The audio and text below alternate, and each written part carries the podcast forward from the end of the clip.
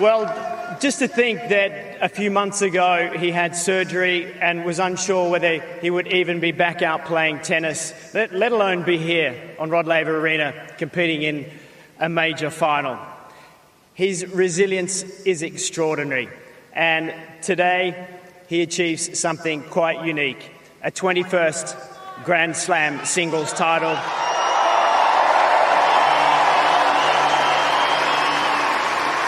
Our champion for the 2022 Australian Open men's singles, Rafael Nadal.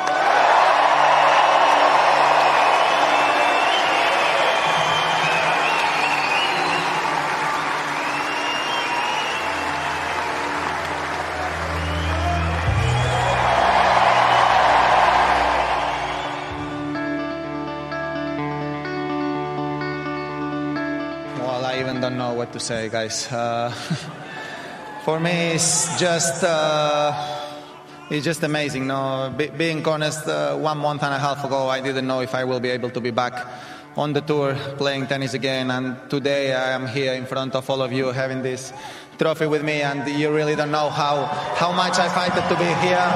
I can't thank enough all the support that I received since I arrived here. You are just amazing. Thank you so much for the love and for the support.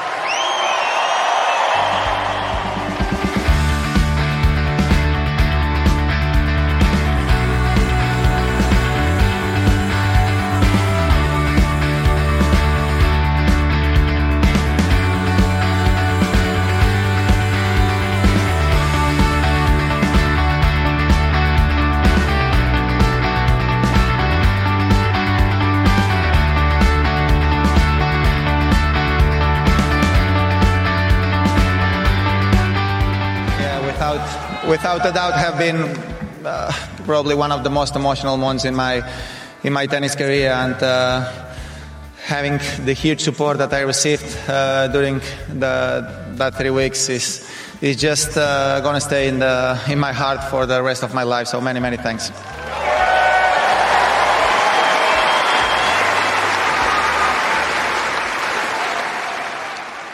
Det snart gått två år sedan Rafael Nadal tog sin 21 Grand Slam-titel och blev mesta mästare i historien på herrsidan. Men sen har inte mycket gått Rafael Nadals väg. Han vann ju också Franska öppna samma år, men Fidde, efter nästan ett års frånvaro så ska Rafael Nadal ta sig tillbaka till världstennisen i Brisbane. Ja, längtar vi eller längtar vi? Alltså det är ju så nostalgiskt och, och man ser fram emot det här på ett eh, otroligt starkt sätt måste jag säga. Jag tittar lite på startfältet. Eh, Holger Rune är väl den som är högst eh, sidad i det här startfältet. Dimitrov, Shelton, Sebastian Korda och så vidare. Det är ett par tunga nötter att knäcka här för Nadal inledningsvis. Ja, här får han ju direkt eh, att bita i. Och sen är det ju så också att eh, med tanke på att han har tappat all ranking så, så blir han ju inte sida på något sätt utan han kan ju åka på vem som helst i första omgången direkt. Och, och alltså, jag tror inte vi får räkna med för hög nivå i början här. Utan vad vi, vad vi bara hoppas på och kan hålla tummarna, det är ju att han håller fysiskt liksom så att han kan gå till jobbet nästa dag igen. Det är ju det det handlar om och, och, för vi vill ju ha kvar honom så länge det går. Och när han vann vid förra tillfället för två år sedan, då var han också borta länge men liksom kunde spela igenom smärtan. Eh, det har hänt en del sedan dess kan man säga i världstennisen. Ja, det har hänt mycket. Eh, men alltså det var ju en av de största sensationerna någonsin tycker jag. Att han kom tillbaka där och eh, vann Australian Open. Sen blev han ju faktiskt skadad igen under våren där i Indian Wells i finalen mot Fritz. Eh, och sen kom han tillbaka, såg inte särskilt bra ut i de inledande matcherna. Det vet i 17 om man kanske till och med kunde fått stryka av Sverre där när han skadade sig. Så att, men men han, det var han som lyfte pokalen igen så att det är alltså så sensationellt för mig att han vinner två tävlingar där efter att ha varit borta så. Men sen har du ju ungefär som en skänk från ovan så när Nadal fejdade ur där, ja då kommer nästa in bara från Spanien, en ung kille som visade, alltså som, var- som såg ungefär likadan ut som, som eh, Rafa gjorde när han kom fram. Jag var ju med i Monte Carlo första gången där när han var 15-16 år liksom. Och Alcaraz, Carlos Alcaraz, nästan samma fysiska monster från start. Ja, eh, och det var det jag tänkte komma in på lite, att världen ser lite annorlunda ut här. Oddsen är ännu sämre för Nadal den här gången. Han är två år äldre och nu finns både Alcaraz, Jannik Sinner och kanske om Holger Rune får en fullträff och några till där bakom. Ja, det, fin det finns naturligtvis många som han måste stångas med, men vad jag tror det handlar om allting här, varför kommer han tillbaka? Jo, det är väl alla stora idrottsmäns största önskan, det är väl att få sluta på sina egna villkor på något sätt. Eh, sen, sen i bakhuvudet finns det säkert en, en förhoppning att han ska kunna vara med och, och kriga också. Men ett värdigt avslut, det önskar ju en hel idrottsvärld, Rafael Nadal. Ja, Eh, det kommer rapporter om nu att han står på banan i eh, tre timmar per pass ungefär. Det är ungefär vad som krävs när man laddar upp för en Grand Slam. Han blir inte förvånad. tre timmar, jag kommer ihåg i Shanghai 2006, då, spelade, då stod han och slog forehandcross i två timmar innan han skulle in och spela sin första match i round robin i, i slutspelet. Liksom. Så han, han kan ju stå på banan hur mycket som helst, men, men som du är inne på där Jeppe, det är ju det är liksom det, det det krävs för att han ska eh, liksom kunna vara med. Han måste klara av att spela tennis hur många timmar som helst. Alltså alla vet ju om hettan i Australien, det är fem set i Australian Open.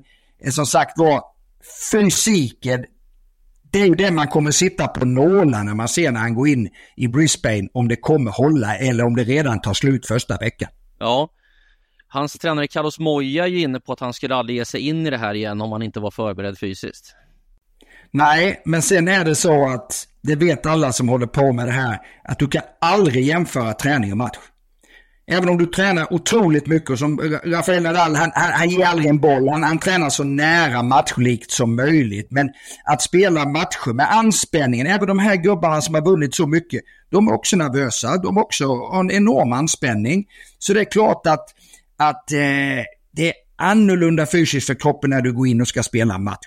Eh, helt klart. Sen är ju Rafa alltid varit också fullständig världsmästare på att ta ur pressen från sig själv. Han tycker ju alltid att eh, he's the favorite no. Det säger han ju om alla motståndare, eller hur? Ja. Ja. Eh, hur, hur, tror du en sån som Djokovic och kompani tar emot att Rafa återigen gör ett försök? Jag menar, de hade ju en batalj i semifinalen för två år sedan.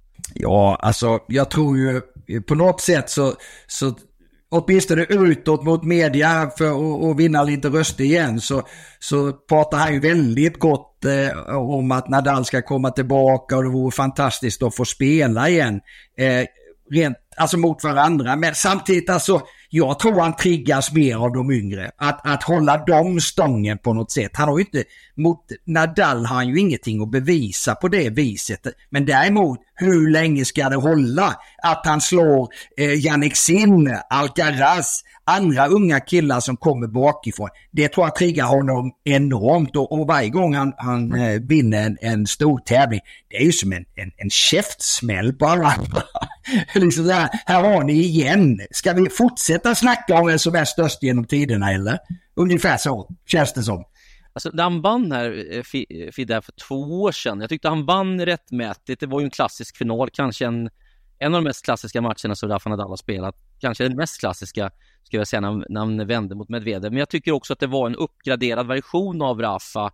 Eh, man kan inte utnyttja och slå på hans backhand längre. Han hade en bättre serve och jag älskar att se när han kommer fram på nät också. Ja, men de, de blir tvungna att genom åren att bli smartare eftersom de blir äldre. De måste vinna poänger eh, på ett snabbare sätt. De kan inte slita ut kroppen fullständigt. Framförallt inte en Rafa Nadal som alltid, eh, egentligen andra hälften av året, varit rätt sliten. Så de blir smarta med erfarenhet. De vet ju exakt vad som krävs i, i en sån turnering, i en, i en Grand Slam-turnering. Så att det, det är liksom det är den erfarenheten de har till skillnad mot de yngre spelarna. Så en, en uppgradering så, ja, men inte nivåmässigt. Alltså det har ju varit spel, alltså mycket bättre genom åren och det är ju samma sak med, med, med Jocko egentligen att, att de var snabba, de var fräschare, liksom det, det var ett annat spel. Tittar man på klipp eh, tillbaka i tiden så, så Eh, fan vilken tennis de spelade, rent ut sagt. Alltså, eh, och det gör de ju fortsätt, eh, fortfarande, helt klart. Men, men det går lite långsammare, de är lite stela och framförallt så går, gör det ju ondare på morgonen när de ska gå på toa. Ja, eh, de bästa åren kan man säga, de gyllene åren för de här, var det mellan 2011 och 15, 16 någonstans menar du? Ja, alltså exakt. Jag, jag, tänker mig så. Men ser man, ser man eh, Djokovic 2011 och Nadal ser det 2013 och sådär rent nivåmässigt. Eh, så tennisen enormt bra. Då var ju Federer fortfarande, alltså spelade grym tennis också. De missade mindre. Idag är de smartare helt enkelt och har en större variation. Eh, du var inne på det där Jeppe med, med, med Nadal serve till exempel. Eh, mycket mer fria poänger både på serven och sen första slaget. Därför att han har varit tvungen att utveckla det genom åren.